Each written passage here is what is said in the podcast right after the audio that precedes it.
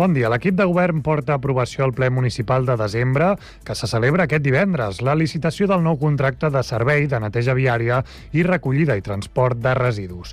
El pressupost creix un 53%, passant dels 8 milions d'euros de la licitació del 2010 al 12,29 milions d'euros de la licitació de 2023. La previsió és posar-lo en marxa a finals del 2024, una vegada hagi finalitzat el procés d'adjudicació i de resolució de possibles al·legacions eleccions. I el pressupost municipal i les ordenances fiscals del 2024 se sotmeten a aprovació definitiva al ple d'aquest divendres, després d'avaluar les al·legacions presentades. El govern planteja per al 2024 uns comptes de 144 milions, un 5% menys que el de 2022 i que es va prorrogar per al 2023. També aposta per congelar els impostos, malgrat que revisa bonificacions, com per exemple les relacionades amb les famílies nombroses.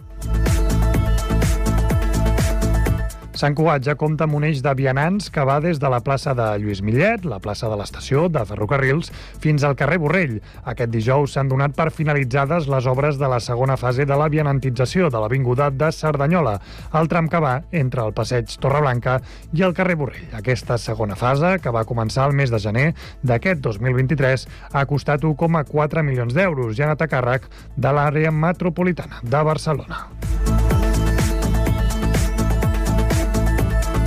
La periodista Txell Feixes ha presentat aquest dijous a l'Abacus de Sant Cugat Aliades, un llibre que narra la creació del primer equip de bàsquet femení del Líban, al camp de refugiats de Xatila. Feixes va conèixer de primera mà la història d'en Magí, un pintor façanes que va decidir donar a les nenes una oportunitat de viure una vida diferent a través de l'esport. La periodista ha recollit el testimoni de les integrants d'aquest equip per relatar les adversitats a les quals s'enfronten en el seu dia a dia. I l'obra de teatre Pedra i Sang torna un any més als escenaris per Nadal. Serà la 21a edició de l'espectacle que per primera vegada estarà dirigida íntegrament per Martina Vilarassau, després del relleu fet amb la seva mare, Dolors Vilarassau, al capdavant de l'obra durant més de 20 anys. Enguany, els dies 25 i 26 de desembre, es farà un passi a les 8 del vespre i el 27 i el 28 de desembre se'n farà una doble funció, la primera a les 7 de la tarda i l'altra a dos quarts de 10 de la nit, a la sala Capitol titular del monestir.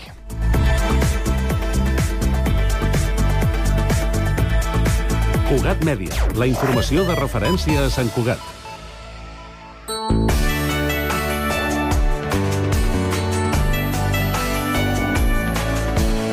Ràdio Sant Cugat, Cugat Mèdia, 91.5 FM.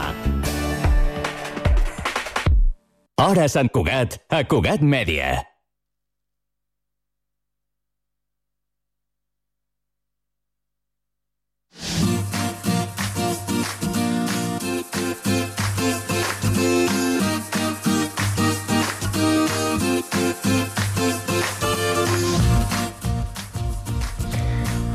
Hola, bon dia. Soc la Fàtima, presentant els meus companys i companyes del Centre de Formació de Persones Adultes de Sant Cugat.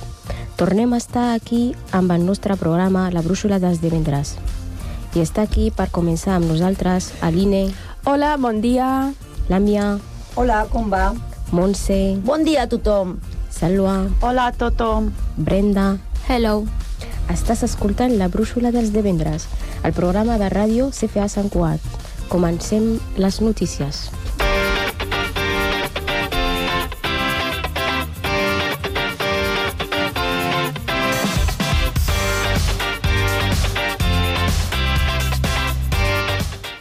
Castellà 3 a la biblioteca. L'alumnat de Castellà 3 ha visitat la biblioteca Gabriel i Ferrater de la MEDN Jordi. Han aprofitat per fer-se el carnet i quedar-se a tafanejar llibres. Instrumental 3 al cinema. Los alumnos de Instrumental 3 han anat al cine a veure El maestro que prometió el mar. Després, a classe, han compartit les sensacions que els va produir la pel·li. Podeu anar a la Instagram de l'escola per veure alguna d'aquestes aportacions.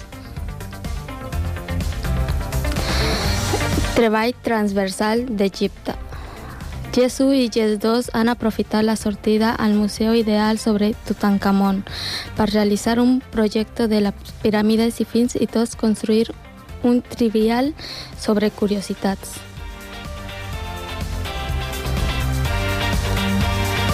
La Marta acaba les, les seves pràctiques. Després de dos cursos amb nosaltres, la Marta ha acabat la seva de pràctiques del grau d'educació. Hem après molt a ella i la trobarem molt faltar. Gràcies, Marta. Final de trimestre. Dimarts que, que ve celebrarem una trobada amb tots els ensenyam- ens- ensenyaments de 5 a 7 a la Casa de la Cultura per, per acomiadar els curs i entregar notes.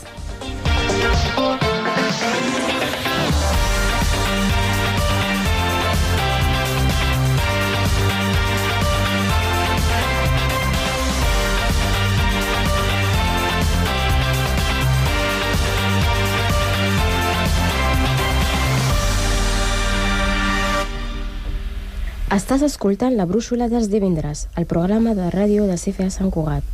Avui volem explicar-vos 10 curiositats de l'antic Egipte, perquè a final de novembre vam anar a l'exposició Tutankamon al Museu Interactiu L'Edial. Tot el que hem descobert surt d'una recopilació de llibres que ens ha preparat la Biblioteca Gabriel Ferrater. Gràcies per col·laborar amb nosaltres. Comencem. Sabeu que els i les egípcies es maquillaven? És interessant esmentar que en aquella època no es diferenciava entre gèneres quan parlem de maquillatge. És a dir, no es distingia entre homes i dones, sinó que el maquillatge o el pentinat depenien de la edat o de la classe social. Tant les dones com els homes utilitzaven tipus de pólvora pels ulls, que, segons els investigadors, estava fet de plom. Això reduïa la producció de monòxid de nitrogen, provocant un enforciment del sistema immunològic. El sistema el maquillatge també s'utilitzava en cerimònies religioses i s'utilitzaven productes poc habituals avui en dia, com el suc de mora, sang, ossos o fins i tot excrements d'alguns animals. Excrements? Sí, sí, com escoltes? Uex. A més a més, si parlem de pentinats, els cabells dels nens s'afaitaven deixant només un floc de cabell a un costat. Hi havia alguns que portaven peruques i extensions. Tothom tenia el costum d'afaitar-se el cap per evitar els pols i utilitzaven olis i ungüents per repel·lir insectes. Què, què creieu que s'emportaven a la tomba? Les persones pobres s'enterraven en totes senzilles al despert, però les tombes de les realitzades havien de durar per sempre. Les construïm de pedra. De fet, les colossals piràmides es van construir com a tomba per un sol reu. Al servent carregaven totes les coses que creien que les persones mortes podrien necessitar a l'altra vida. Mobles, roba, joies, instrumentals musicals i fins a tot quadreguen enterraven amb ells. Sabeu que els egipci, egipcis van inventar un tipus d'escriptura? Els egipcis escrivien els jeroglífics de dreta a esquerra, o sigui, al revés que nosaltres, però també escrivien d'esquerra a dreta i tampoc era estrany com barregissin les dues direccions en una mateixa escena. Quin embolic! Si volguéssim aprendre a llegir bé els jeroglífics, estareu una pila d'anys estudiant llebre ben gru gruixuts i segur que us agafaria més d'un mal de cap. Sabeu com es momifica una, un cos? El cos s'embolica. Durant el procés embolcallament, un sacerdot llegia sortilegis en el veu alta per afegir una capa addicional de protecció. Per a les mòmies importants, feien servir peces de roba que s'havien utilitzat en les cerimònies religioses. Però les persones més pobres feien servir peces de roba velles. El material es tallava en tires fines i llargues. Començava pel cap fins a la resta del cos. Algunes mòmies acabaven callades amb 375 metres d'allí. Quins eren els déus i en els que creien els egipcis? En l'antic Egipte creien en nou déus i cada un d'ells era diferent, però coincidien en una cosa. Cinc tenien forma d'animal i quatre d'aparença humana. El primer Ra, déu del sol. Segon, Horus, déu amb cap de falcó i protector dels faraons. És el déu de la fe. Tercer, Osiris, rei de l'inframont i déu de la fertilitat. Quart, Anubis, és el que traslladava els difunts al més enllà. Cinquè, Bastet, la deessa dels gats i de la família. Sisè, Isis, la sobirana de la màgia. Setè, Tot, déu de la lluna i de la saviesa. Vuitè, Maat, déu de la veritat i la justícia. I Senum, el novè, déu que va crear la humanitat. Sabeu per què els gats eren molt importants en l'antic Egipte? La cultura egipta era famosa per la seva devoció pels gats. Els egipcis no adoraven els gats. Els rescaptaven ben molt perquè consideraven que eren representacions de Bastet, un dels seus déus. Els gats protegeixen les sitges de gra en què els egipcis emmagatzemaven les collites, sobretot de blat, recurs vital per a aquest poble de pagesos. També eliminaven factors de risc de greus malalties transmissibles, com la pesta. Els egipcis es preocupaven tant pels seus gats que poden posar la seva seguretat per sobre de la vida humana i de la propietat. Quan un gat moria, el més proper s'afeitava les celles com a mostra de dol profund. Quan les celles tornaven al seu estat natural, el dol terminà. Sabeu que el, ne el riu Nil era el nucle de la civilització egípcia? El riu Nil té 30 milions d'anys, 100 vegades més antic del que està pensada. És un riu històric que flueix al nord d'Àfrica. Totes les egípcies estaven molt agraïts al Nil i vivien a les seves vores. Sabeu que, que des del seu naixement fins a la desembogadora, el Nil travessa deu països. El cocodril del Nil és un dels més grossos del món i pot trobar-se al llarg de tot el riu. Conom és el guàrdia de les fonts del Nil, també fons considerat déu de la fertilitat. Com eren per dins les piràmides? Les piràmides eren monuments funeraris on s'enterraven els faraons per facilitar el viatge del cel i per permetre que la seva essència perdures per sempre. El material de construcció principal de les piràmides van ser la pedra calcària, tova, maó... Les piràmides van ser construïdes per als faraons Keops, Kefren i Micerino. Es van construir fa uns 4.500 anys. Quin era el paper de les dones en l'antic Egipte? Les dones egípcies eren respectades per ser intel·ligents, independents i ocupaven una posició millor que moltes dones en altres societats, tant antigues com modernes. Un dels eh, aspectes que més crida atenció és com, per la seva època, la condició de la dona era increïblement avançada a l'antic Egipte. La religió egípcia honrava i elevava tot allò femení. Quantes coses noves que heu investigat. Dono pas a les encarregades aquest mes de, de la secció de música.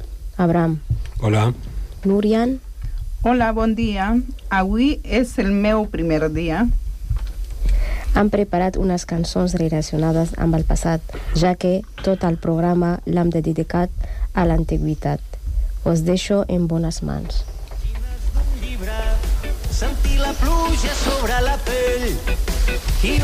El tren del temps de Charango. Parla de coses quotidianes i con el temps es converteix en record, en passat. A la que es desitja Charango és que tot valgui la pena. Igual vol dir ser igual de diferents. I prou allà on ens falta l'aigua, i algú que està en guerra fa la pau. I a poc a poc el món es farà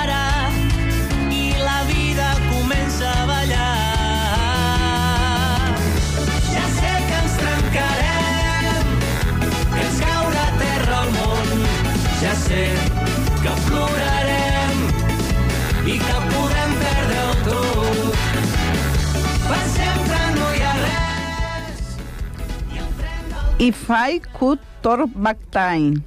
Cher, la cantant d'aquesta història, parla if it could de explorar la nostàlgia, la noció de la eternitat i de l'anel, de corregir did the things I did. I don't know why I said the things I said. Like a knife, it can cut deep inside. Words are like weapons, they wound sometimes. I didn't really mean to hurt you.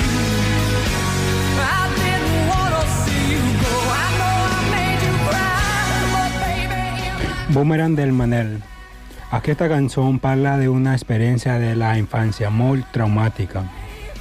Als Manel dediquen una canció a la Joaquina Boomerang i con el fer que, que ells regalissen una a un no va fer cap gràcia perquè no sabia fer anar.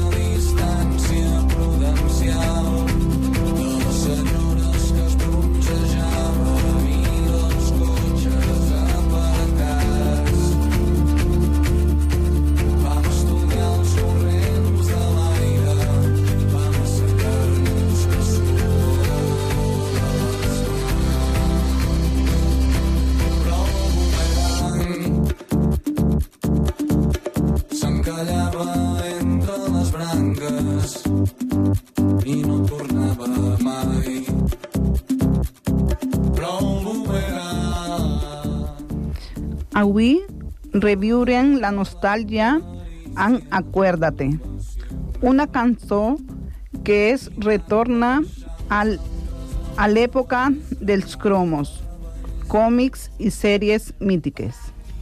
Un homenatge a la infància, amb referències a l'època dels 80, que ens recordar els somnis i aventures de la nostra joventut. Mil efectos especiales. Actuaba un tal Darth Vader y venían de un planeta sideral. Tenías tanta ilusión por ser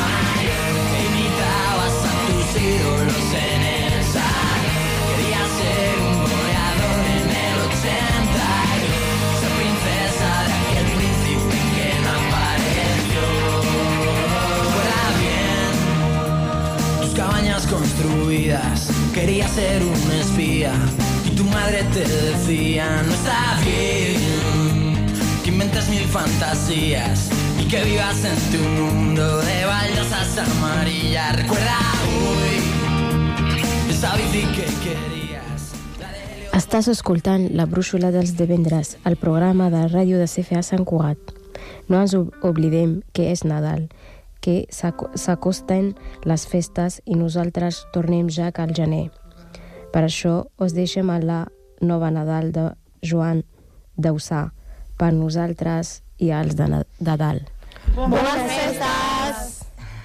Trobar un forat per veure'ns. Ara que costa tant oblidar que ens hem fet mal. Ara que costa tant riure fort sense sentir que activa el cor. Vas i obres la porta i tot es fon. I és Nadal i em fas una abraçada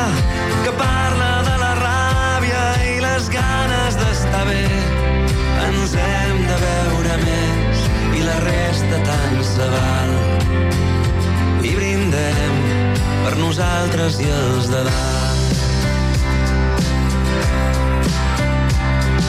I ara som a taula i tothom parla a la vegada. Us miro un per un avui, per fi em sento a casa.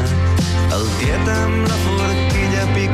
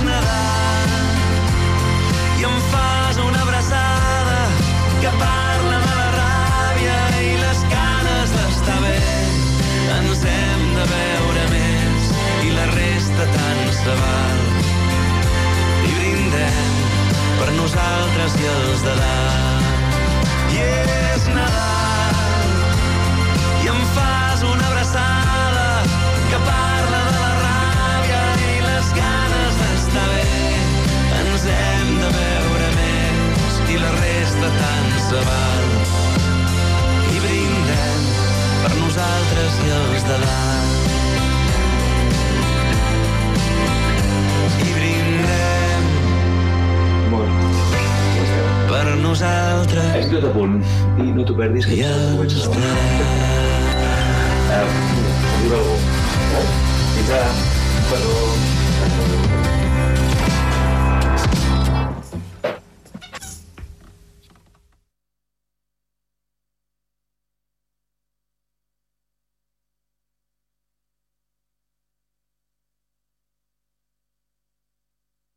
Cugat No és el mateix ser els integrants del millor grup de la història que ser el millor grup de la història. Per això, al grup català Occident serem Occident, perquè per continuar assegurant-ho tot, tot i tot, ens havíem d'ajuntar tots, tots i tots.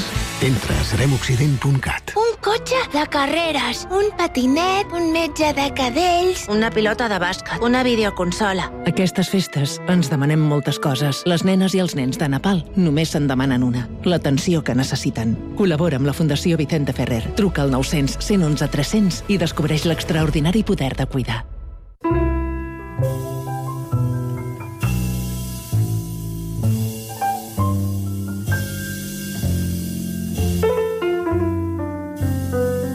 La bona música, amb Lluís Bonamusa, un espai de Mataró Ràdio per la xarxa de comunicació local. Els diumenges, a les 3 de la tarda, al 91.5 FM.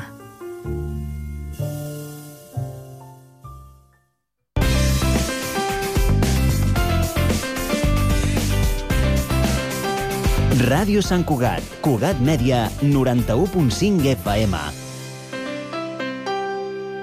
Hora Sant Cugat, a Cugat Mèdia. El Memorial per la Pau Joan 23 ha distingit enguany l'activista afganesa per la pau Nadia Ghulam. El comitè del Premi ha valorat especialment la seva trajectòria en favor de la pau a l'Afganistan independentment de qualsevol interès polític, partidista o religiós. Una tasca gens fàcil. Nadia Ghulam, benvinguda a Cugat Mèdia. Moltes gràcies, moltes gràcies. Primer de tot, enhorabona per aquest reconeixement, que més és el guardó més antic eh, que es concedeix a Catalunya per la pau.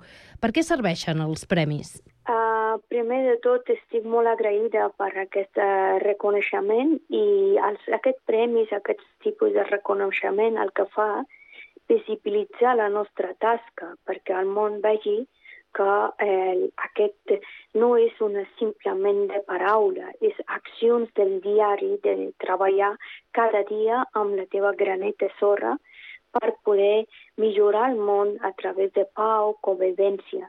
Llavors, aquest premi serveixen per una mica empenta per visibilitzar eh, aquestes tasques que són molt importants. Així que la mal maldat contagia, bondat també contagia. Que altres joves, altres persones també vegin que és una tasca molt important que hem de fer cada una, que no cal que faci activistes, si és cada, cada persona té responsabilitat de treballar per la pau. No només eh, és aquest reconeixement, com deies, a, a la tasca, sinó que més diu que la fas independentment de qualsevol interès polític, partidista o religiós. És poc habitual en l'activisme aquesta independència o aquest treball independent? És que jo vaig patir d'aquestes tipus uh, separacions, no?, per ideologies diferents, no? Jo penso que la el Pau no assoleix amb, amb, amb aquestes eh, partidisme o ideologies religioses o qüestions de gènere, fins gènere, que és algo molt bàsic, però que no, que hem d'units, hem de eh, treballar per una cosa que és molt important, que és oxigen, i l'oxigen és pau, saps? Perquè si no hi ha pau, ens morim tots. Per tant, per treballar per la pau llavors hem de ser molt, molt independents de tots. I com es fa quan s'ha estat víctima directa de la manca de pau? Uh, pot ser que una de les raons principals que ara estic treballant per això és uh, aquesta, aquesta dolor que porto dins meu de uh, patiment de guerra, violència, uh, que no tan sol provoca destruccions de cases i ferits i morts, sinó també un dolor emocional que no se cura, que queda allà gravat eh, a, a, dins del teu cor, que jo a vegades dic que jo tinc hemorràgia interna, que és aquest tipus d'hemorràgia que, que no saps expressar-lo, el dolor que t'ha provocat la guerra. Llavors, um, jo per això pot ser que ara estic insistint moltíssim perquè aquest dolor és tan, tan, tan, fa tant de mal i tan potent és que jo no vull que passi ningú com jo per això. Llavors és com estic constantment conscienciant aquí està el meu entorn sobre aquests valors de convivència, pau, solidaritat, amor, perquè és l'únic que ens quedarà, perquè després el mort és algo molt segur, tothom tindrà. I llavors jo el que demano que la gent, pues, que si estan vivint dos dies, que visquin en pau. Aquesta feina i aquest treball a favor de la pau t'està curant aquest dolor que deies emocional? M'està curant d'algun sentit perquè sé que els grans poders, aquells que estan fabricant armes, aquells que estan decidint perquè a quin país destruïm més, a quin eh, les persones matem més, ara quina mm, ideologia o manera utilitzem per manipular més la gent, llavors eh, eh, això eh, no, no, no puc canviar, però el que això m'està servint que el futur de generació és la meva esperança. Llavors arribo a joves, als infants, amb diferents uh, edats uh, en la població i que com a educadora social estic educant, no? Estic educant perquè no repeteixis, que, que no repeteixin aquests eh, tipus de mm, violència una altra vegada. I on arriba a les meves mans estic fent aquesta tasca i llavors aquesta es, em alivia aquest dolor, no? I dir, vale, Nàdia, estàs fent alguna cosa important. Mm, ho comentaves ara, no? sembla que la violència torna no? en, de diferent manera, però sempre la tenim present d'una manera o d'una altra. Vostè va viure el règim talibà amb la retirada de les tropes soviètiques i ara l'ha vist tornar amb la retirada de l'exèrcit dels Estats Units. Hi ha diferències? La diferència el que és que és la misèria de, de guerra eh, està mm, afectant el col·lectiu més vulnerable, que són dones i infants. Per tant, en tots els dos eh, eh, règims que jo he viscut, el règim de talibans que jo he viscut i ara, eh, les víctimes principals són dones. Però una de les coses que la població europea no, no, no s'entenen perquè totes les culpes es donen com a només als talibans. Per mi, les culpes són totes aquelles que provoquen les guerres. Llavors, és com, ara no és la causa, el dolor principal de gent afganesos per causa dels talibans, és que portem 50 anys de guerra. Llavors 50, dir-lo d'anys, dir-lo sembla molt fàcil. Però aquests talibans que veiem és el resultat d'aquestes barbaritats de 50 anys de guerra. Ha fallat la comunitat internacional durant aquest temps de l'Afganistan, tot i propiciar doncs, un govern, unes eleccions, una constitució? Sí que han fallat, però no estan només fallant en Afganistan, estan fallant per tot el món, saps? A les Nacions Unides per, per, s'ha creat perquè hi hagi pau i hi hagi drets humans en el món, no? I mira com està el resultat. I cada dia està morint gent en Gaza, està morint en Ucraïna, està morint en Afganistan, està morint en Àfrica, que no parlen ara, que Sud-amèrica, que no parlen ara.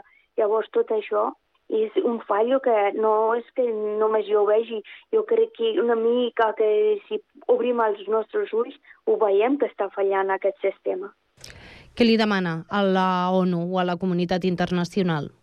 Sí, que, sisplau, que facin la seva feina, que no facin partidisme, no? que no vegin que aquest és més poderós vaig al seu costat, que realment lluitin pels drets humans, que és un llibre sagrat, que és algo molt bonic i molt important, i que realment ho vegin les seves missions, no missions de gran poders. Llavors, això és la meva demanda de les Nacions Unides. Amb el retorn dels talibans es posava el focus mediàtic a l'Afganistan, després ha vingut Ucraïna i tants d'altres eh, conflictes, ara a la franja de Gaza, però podem parlar, com deia, a l'Àfrica, al Sahel, a tants llocs de, del món. Uh, què ha canviat llavors i quan hem apartat una mica la mirada de l'Afganistan, aquesta mirada mediàtica, què ha canviat eh, especialment per a les dones quan s'ha deixat de mirar? És que aquestes dificultats uh, en aquell moment no era tant com és ara, ¿vale? perquè en aquell moment totes les mirades estaven cap a les dones afganeses, doncs més o menys elles se sentien que algú està parlant de nosaltres, estan mirant de resoldre aquests conflictes i aquestes eh, operacions. Però ara s'ha quedat en la llista dels països oblidats i això és el meu eh, dolor principal i dic és que no podem girar la cara, hem d'ajudar aquestes dones, hem de eh, fomentar la possi possibilitat d'educació i formació, no millorar la vida de les afganesos i afganeses a través d'armes, sinó a través de psicòlogues, metges, obrint les fàbriques, perquè ara una de les coses que a mi eh, és molt important, que avui en dia la comunitat internacional diu és que no podem ajudar Afganistan perquè hi ha talibans. Però aquests talibans, 80% deixaran les seves armes si hi hagin fàbriques, perquè vale d'acord que no han vist l'educació i no valoren l'educació. Però sí que valoren la feina, perquè la feina li dona menjar. Per tant, hem d'obrir altres possibilitats, possibilitats que aquestes persones deixin les armes i que vagin a treballar per poder guanyar el seu tros de pa i no oprimir uh, i castigar una població general. Creu que tampoc ha estat la mateixa la resposta, com dèiem, no? quan es mira cap a un país i quan es deixa de mirar mediàticament, tampoc ha estat la mateixa la resposta eh, quan hem vist les migracions de l'Afganistan cap a altres països o quan les hem vist a Ucraïna, per exemple? Sí, aquesta és un altre de les temes molt trist perquè totes les persones que s'han refugiat, que en, en teoria la mateixa comunitat internacional els hi han tret, els hi han portat a Europa, no? I ara es troben en una situació molt precària, amb molta dolor, i ahir mateix vaig anar amb el meu cotxe buscant les coses d'una família que avui quedaven en el carrer, que em deien un àrea on anirem, ni jo que sé, que al final on els va portar un hotel d'entitat o alguna però pobrets tenien unes robes, unes coses que no es podien portar en aquell centre i he hagut de portar-li a casa meva per guardar, però és que és tan situació que no podeu imaginar. Una dona a l'edat de la meva mare, amb les llàgrimes dient és que acaba escapat de, de, dels talibans i aquí em diuen que ara si no deixo el pis i tot això i a mi em posaran una altra vegada policia. Clar, per una persona que fa només, encara no fa dos anys, perquè aquesta dona només, només un any i mig està aquí, que fa diferència entre un tipus de violència i un altre. Tots dos li amenacen per policia. Tots dos li amenacen perquè ara vindrà pues, el, o advocat o jutge i et portaran a judici, a presons i no sé què, i no sap, no sap res als seus drets, saps? I eh, això són la meva tristesa molt gran per la comunitat afganesa que han arribat a Europa. Ens falta cultura de pau davant un món que és injust i és evidentment injust. Eh, ho volem solucionar tot a cop d'armament i d'imposició? És que cultura de pau és que falta moltíssim, moltíssim. Ah, per exemple, molts joves eh, catalans eh, aquí que estic vivint a Catalunya, no? Donen per eh, guanyat que això que estem vivint aquí eh, és així, ha vingut i que no és necessari treballar per la pau. És que és imprescindible a cada família, a cada barri, a cada comunitat, és imprescindible treballar i fomentar la cultura de pau. Clar, perquè, per exemple, eh, la violència contra les dones és un tipus de violència que veiem també aquí, no és només a l'Afganistan, de diferent manera, segurament, amb, eh, amb diferents esferes, més o menys visible, però també hi ha violència contra les dones. Cada dos per tres veiem morts de les dones, assassins nats de les dones. Cada dos per tres veiem aquí, saps? Aquí mateix. Llavors, moltes vegades, quan jo en les meves conferències o en alguns llocs eh, menciono coses de mm, tipus de violències o desigualtat que les dones estan vivint aquí, em diuen, bueno, pues vés en el teu país perquè ja, ja trobaràs igualtat. I dic, no, és que estic vivint aquí i aquí estem dient que aquí hi ha drets humans, hi ha llibertat, hi ha igualtat de gènere, per tant, és que no podem comparar les coses eh, bones amb les coses que males, saps? És com, per què no podem veure altres exemples bones? Per què hem de sempre veure que si hi ha pitjors? No podem veure que hi ha millors. On posem els esforços per canviar aquesta situació? En la educació uh, és uh, algo que pot canviar molt, però educació, abans quan jo vaig arribar a Catalunya, quan algú em deia on podem posar en, fos, en focus, com m'has preguntat, jo deia educació, educació. Ara dic que no, educació amb valors, amb valors ètiques, vale? perquè ara no, no necessito que els alumnes treguin bones notes, el que necessito que els alumnes entenguin els valors humanes, respecte i accepta tolerància per un a l'altre. Llavors aquí és el que hem d'enfocar més i treballar més ara, eh, canviar la nostra metodologia d'ensenyança i concentrar-nos més en els valors. De fet, vostè treballa en aquest àmbit dels valors, amb joves, amb dones, no? amb diferents col·lectius. A cada entrevista que fa acostumem a preguntar-li per la seva experiència personal allà a l'Afganistan. Lamenta que hagi de ser així, que hagi de fer-se valer d'un cas personal eh, per poder mm, posar el focus mediàtic en, un, en una situació que viu un país des de fa 50 anys? És per mi molt difícil, però jo sóc un exemple de 15 milions de dones afganeses que ara mateix no tenen ni veu, ni vot, ni nom ni cognom. Per tant, per mi és molt difícil de poder cada vegada ser uh, imatge i la meva història sigui viva explicant el que, el que està passant en el món. Però arrel de la meva història podreu entendre moltes, moltes històries que no estan explicades. Per tant, és com eh, és un gra d'aquestes eh, gra, gran eh, platges que estan com de fo fortes sorres que no estan visibilitzats. És un gra de sorra que hi estic mostrant. Quin és l'Afganistan que assumia i què hauria de passar per fer-lo realitat? L'Afganistan que jo somio no, no li vull comparar amb Europa perquè no vull que eh, a cada país té la seva bellesa, no? Al meu país pues, pot ser que no tindrem gran universitats i grans escoles i tot això, però és una, un món de sàvies dones. Llavors, eh, la filosofia del meu país és molt diferent d'aquí.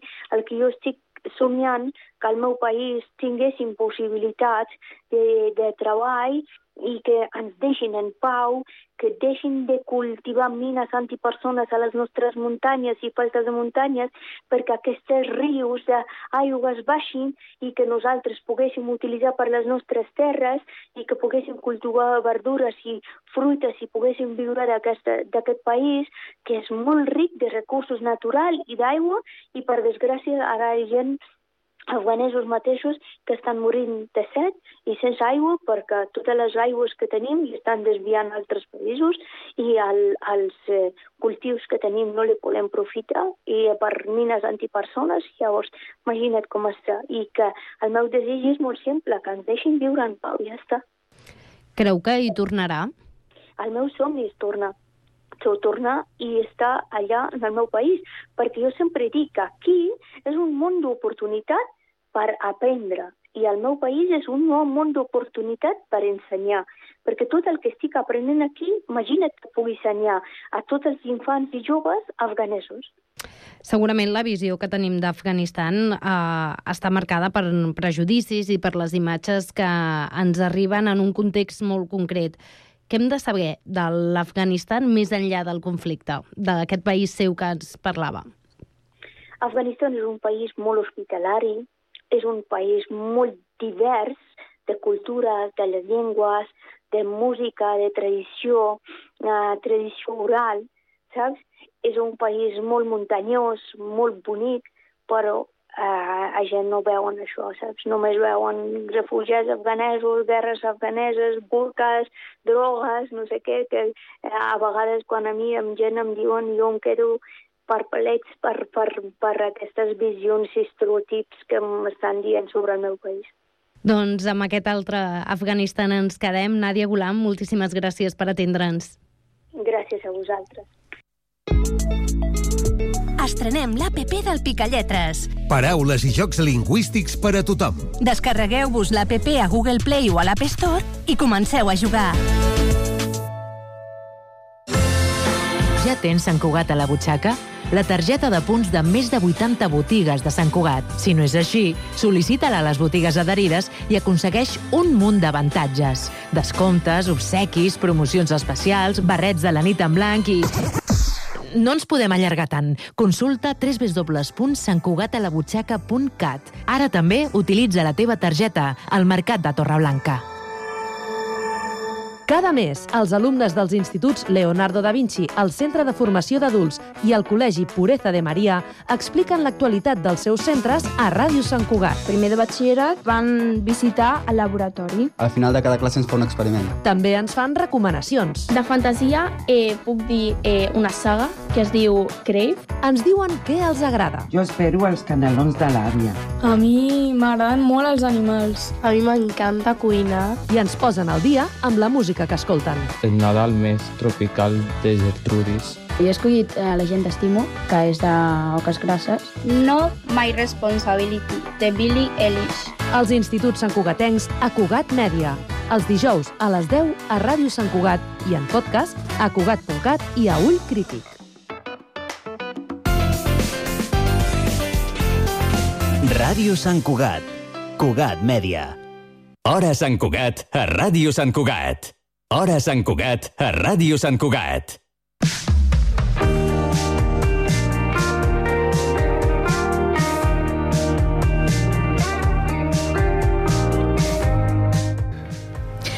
Parlar de l'Olímpic Floresta no és únicament parlar de futbol sala. Quan ens referim a aquest club eh, de Sant Cugat, també parlem d'una entitat completament integrada al barri i d'un sentiment, l'orgull florestà. Camí dels 50 anys de trajectòria, avui passa pel Connectats el seu president, l'Àngel Ruiz. Àngel, bona tarda. Bona tarda.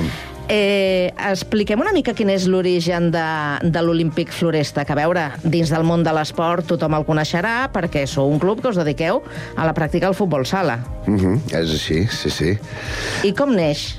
A veure, neix... Eh, de fet, neix arrel d'un grup de nois de l'Escola de la Floresta que l'any 78, 77-78, 78 és el que contem com a any, com a any d'inici, Uh, tenen ganes de, de fer un equip de, de futbol sala. En la Floresta no hi havia cap tipus d'equipament de, esportiu i el futbol sala era una cosa, l'única cosa que es podia practicar en el pati del casino, en el pati de, de l'Auref o, o en les places, és a dir, futbol, però de manera reduïda. I aquests nanos van apretar amb un dels pares perquè eh, se'n fes càrrec i a partir d'aquí pues, va engegar aquell primer equip. Uh, al cap de res es va anar incorporant gent, l'equip uh, es va federar bastant de pressa, amb categoria juvenil, i la cosa va anar creixent perquè al darrere d'aquest equip s'hi van afegir altres nanos i, i poquet a poquet es va anar, es, anar fent, es, es va anar fent una base i es va anar creant un club. Mm -hmm. Des de quan estàs tu amb, amb l'Olímpic? No com a president, sinó quan, quan comença la teva vinculació amb el club? Jo vaig jugar en aquell primer equip federat. Va jugar en el primer equip? Amb 14 anys, sí, sí, sí. Clar, perquè tu has sigut primer futbolista, no? primer esportista, sí. i després te n'has fet càrrec de... Bueno, he fet tots els papers de l'AUCA, que es diu, perquè jugador, després entrenador, després Correcte. passant per la Junta, i ara de president ens anem aquí agafant càrrecs. Vull dir, és una associació que funciona tota amb voluntariat, que la Junta són exjugadors eh, o, o pares de jugadors, és la, l'asocia, una associació d'aquestes típiques que funciona, que se'l retroalimenta a si mateixa amb la gent que, que va fent passos endavant o que va o que va agafant responsabilitats. Doncs escolta, qui millor que tu per explicar-nos com, eh, com ha evolucionat eh, aquesta entitat. Així, a grans trets, eh, neix en aquesta escola, l'escola La Floresta, es fa un equip eh, federat en categoria juvenil, però després la família es comença a fer, es comença a fer gran, no? Sí, sí, sí, sí. Uh, al cap d'uns anys uh, vam arribar a un acord amb, un, amb una gent de Barcelona que estaven graduados uh, i, i es van com agrupar amb nosaltres. Nosaltres uh, en aquella època jugàvem a juvenil i sènior a la vegada, perquè, perquè aquest, aquest grup es va associar amb nosaltres, i al darrere ja es van anar creant algun equip de, de categoria inferior, de categoria cadet, o, o quan nosaltres ja vam deixar de ser juvenils, van passar a crear un, altre, un nou equip juvenil. I miqueta en miqueta la cosa va anar, va anar creixent eh, de manera espontània, o sigui, no, no, no s'estava buscant eh, de quina manera ampliaríem el club, sinó que la gent es va anar apuntant i... i o sigui, va ser un creixement natural. Sí, sí, sí, sí, sí. O sigui, la cosa funcionava, nosaltres ens ho passàvem molt bé, els que venien al darrere ens miraven i volien també participar, i, i, i així vam anar creixent. Vam, vam estar bastants anys que el club no tenia totes les categories, que ara, doncs ara tenia infantils i l'any següent no en tenia, fins que va arribar un moment on la cosa va quedar ja estructurada i amb una mica de, de cara i ulls d'entitat una mica més, eh, més sèria, entre cometes. Ara teniu totes les categories, no? Sí. Sí, ara tenim totes les categories. Comencem des de prebenjamins, venia una escoleta, encara, fins i tot per sota dels prebenjamins, fins a sènior, i tot això en categoria, tot això en masculí. La base és mixta. I com a sènior només tenim un equip femení. Femení sí que no hem pogut crear una base sòlida al darrere del, del primer equip. Uh -huh. eh, per tant, quanta gent formeu part actualment de l'entitat? Ara, aquest any, jugadors hi ha entre 180 i 190 jugadors, aproximadament. Uh -huh. I al darrere totes aquestes famílies, no? Sí, sí i pràcticament la majoria som del barri de la Floresta, que és un barri de Sant Cugat, eh, però que està a uns 5 quilòmetres del centre de Sant Cugat, vull dir que estem relativament aïllats. És un barri d'unes 4.500 persones, una cosa així, que, que, bueno, que té mèrit de reunir 180 jugadors eh, en, en, un, en un barri petit, diguéssim. I tant, i després de tants anys mantenir tot aquest eh, eh, esperit que s'ha anat eh, consolidant, com dèiem al principi, amb aquest sentiment de pertinença a, a la floresta, no? Us sentiu especials? Sí, uh, bueno, això és una cosa molt florestana, eh? Aquest mateix aïllament que tenim i les Uh, tal com és la Floresta, que estem al mig del bosc, que és un lloc que és molt humit, que fa fred a l'hivern, déu nhi mm, molts anys entrenant en pistes exteriors i aguantant i, i anar creixent a poquet a poquet ens fa fer, ens fa fer molta pinya entre nosaltres. És, de fet, no només en el, en el nostre club, eh? La, en el barri hi ha molta, hi ha molta eh, associació diversa d'altres àmbits i el fet de fer pinya i de fer barri és molt, molt normal. Mm. Eh, del Barça es diu que és més que un club, però aquest lema també es pot aplicar perfectament a, a l'Olímpic, perquè, com tu deies, eh, feu barri, cohesioneu el barri de, de la Floresta a través de mm, moltes altres activitats que no tenen a veure exclusivament amb el futbol sala, no? És així, la veritat, sí, perquè nosaltres ens ho creiem, o sigui, el, nosaltres formem part del barri, som uns actius del barri, eh, un actiu del barri, nosaltres intentem participar en totes aquelles activitats que, que puguin eh, fer millorar el barri, volem que eh, doncs, no sé, en, eh, estem amb activitats, bàsicament amb activitats amb canalla, eh? tenim bastanta relació amb l'escola, participem del Consell de Barri, de la Comissió Educativa de Barri, intentem participar amb... Festes majors, festes majors, cavalcades. cavalcada de Reis, ara mateix es farà també la, la, la recollida de joguines pa, de, cara, de cara als Reis. Uh, amb tot això intentem participar perquè nosaltres som part del barri i com a part del barri doncs, ens hem d'interessar en que el barri millori i, en que el barri estigui bé. De fet, la nostra canalla volem que estigui el millor possible, per tant hem de participar en el barri. És és obligatori. Mm -hmm.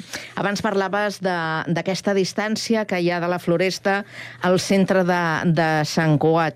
Eh, quina ha estat la vostra relació amb, amb, amb Sant Cugat i, i amb el, el, altres entitats esportives de, del municipi? Doncs la relació... mm, A veure, no hem tingut mm, mai cap problema amb, amb la resta de, de, de clubs de Sant Cugat.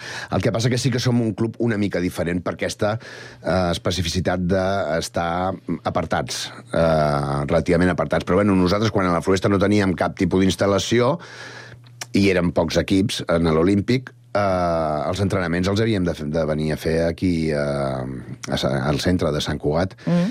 i havíem de jugar en el pavelló de Sant Cugat perquè el primer equip el tenim en una categoria nacional on és obligatori un pavelló i unes condicions de joc espe- específiques i vam estar molts anys jugant en el, en el centre de Sant Cugat fins que es va aconseguir que ens fessin un pavelló municipal a la Floresta.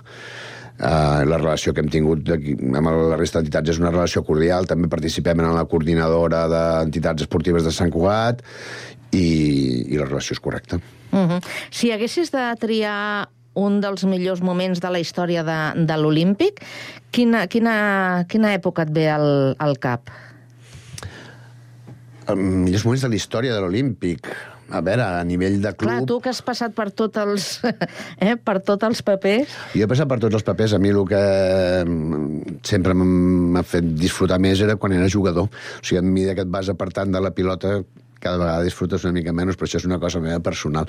A nivell del club, no sé, quan vam aconseguir eh, els ascensos a categoria nacional, d'arribar a situar un, un club com el nostre entre els 15-20 millors equips de Catalunya, doncs ens sembla que té un mèrit suficient com per estar molt contents. Mm -hmm. I ara, mm, abans parlàvem no, de- d'aquesta tradició, de la recollida de, de joguines. Quina edició celebreu aquest any? Ostres, doncs no t'ho sabria dir Ja en exactament. portem unes quantes. Sí, en portem unes quantes. En portem unes quantes.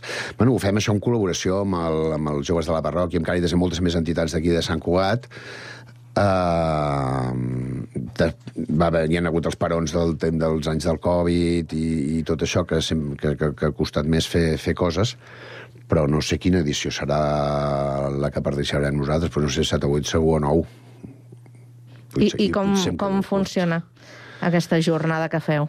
Bueno, aquest, hem anat canviant de formats. Uh, hi ha hagut anys uh, que aprofitàvem per fer algun partit amistós amb el primer equip i llavors es convocava gent que pogués venir a, a veure el partit i a, i a, i a portar alguna, alguna joguina. Mm, altres vegades ho hem fet mm, en el, en el centre de, de la Floresta, buscant un local en allà per fer participar no només en, els, en la gent de l'Olímpic, sinó al barri sencer, Uh, I aquest any farem una mena de modalitat així mixta, perquè aquest cap de setmana es juga un torneig escolar que hem, que hem mirat de muntar en el pavelló i en allà hi haurà una part de recollida de joguines i, i durant els casals de, de Nadal també. I mantenim el, el local aquest en, el, en la plaça de l'estació, on també els, la resta de veïns que no siguin tan futboleros doncs també poden, poden passar per allà i deixar, i deixar alguna joguina. Si parlem de valors, els valors de, de l'Olímpic eh, es mantenen, podríem dir, l'essència intacta des del seu origen fins a, fins a dia d'avui? Sí, sí. Els valors més bàsics, sí. El que el que s'entén com a valors de l'esport genèrics, el, doncs crec que els seguim mantenint com a prioritat tot el que té, a veure, tot el que té a veure amb, amb, amb, amb, amb l'esport, la salut, el compromís, el respecte, la solidaritat, eh, tot eh, l'esforç, la, tot, tot això per descomptat. Després la, la participació en el barri, el, el ser membres d'una comunitat i d'intentar fer millorar aquesta comunitat i l'altre la, pota nostra també seria la preocupació per anar creant base i per anar donant als nanos l'opció de fer esport i futbol sala en el nostre barri. I això ho vam començar-ho així i continuem igual. La veritat mm. és que continuem igual. Ara les coses han evolucionat molt, vull dir, el que abans era, es feia en papers ara es pot fer per WhatsApp, però la, la, idea, la idea és la mateixa. Ara les coses són més complicades, més burocràtiques, més farragoses, però la idea segueix sent igual. Uh -huh. Quants anys portes de president? Ara 15. 15. I quants, encara amb energia? Quants. Sí, perquè si no hauria de plegar. Uh, no, a veure, ja tocarà el dia que toqui, però, però si estàs aquí, tu t'hi has de posar. Uh -huh. Deia que eh, aneu camí del cinquantenari. Uh -huh. No queda massa anys. Eh, com t'imagines el club quan arribi aquest moment? Pues jo espero que s'assembli al, al, al que tenim, més consolidat, havent pogut tenir tots els, tota l'estructura man, ben mantinguda, que els nanos puguin progressar des de petits fins a grans, mantenir el primer equip amb un molt bon nivell i a veure si tenim uh, una mica més de traça o sabem enfocar una mica millor la part femenina del club, que és el, la coseta que ens falta acabar de polir. I, i, i, i amb això jo estaria la mar de content. I t'hi veus eh, presidint aquest cinquantenari? Ui, encara queden 4 o 5 anys. Uh, no hi he pensat en això, no, no. Es, espero estar per disfrutar-ho. Ara, no, sé, no sé amb quina, no sé amb quina feina em tocarà en aquell moment. Però segur que alguna cosa faràs. Sí, sí, clar, perquè això, a veure, porto tota la vida vinculat a l'Olímpic i ara no desapareixeré. Tant si sóc president com si no, alguna cosa, alguna cosa farem. Uh mhm. -huh. Molt bé, doncs eh, nosaltres també esperem veure aquesta celebració de l'Olímpic Floresta, un històric eh, de, de l'esport Sant Cugatenc genuïnament florestà, eh? Mm -hmm. com no podia ser d'una altra manera. Àngel, moltíssimes gràcies i que vagi molt bé. Bones festes. Gràcies a vosaltres i bones festes a tots.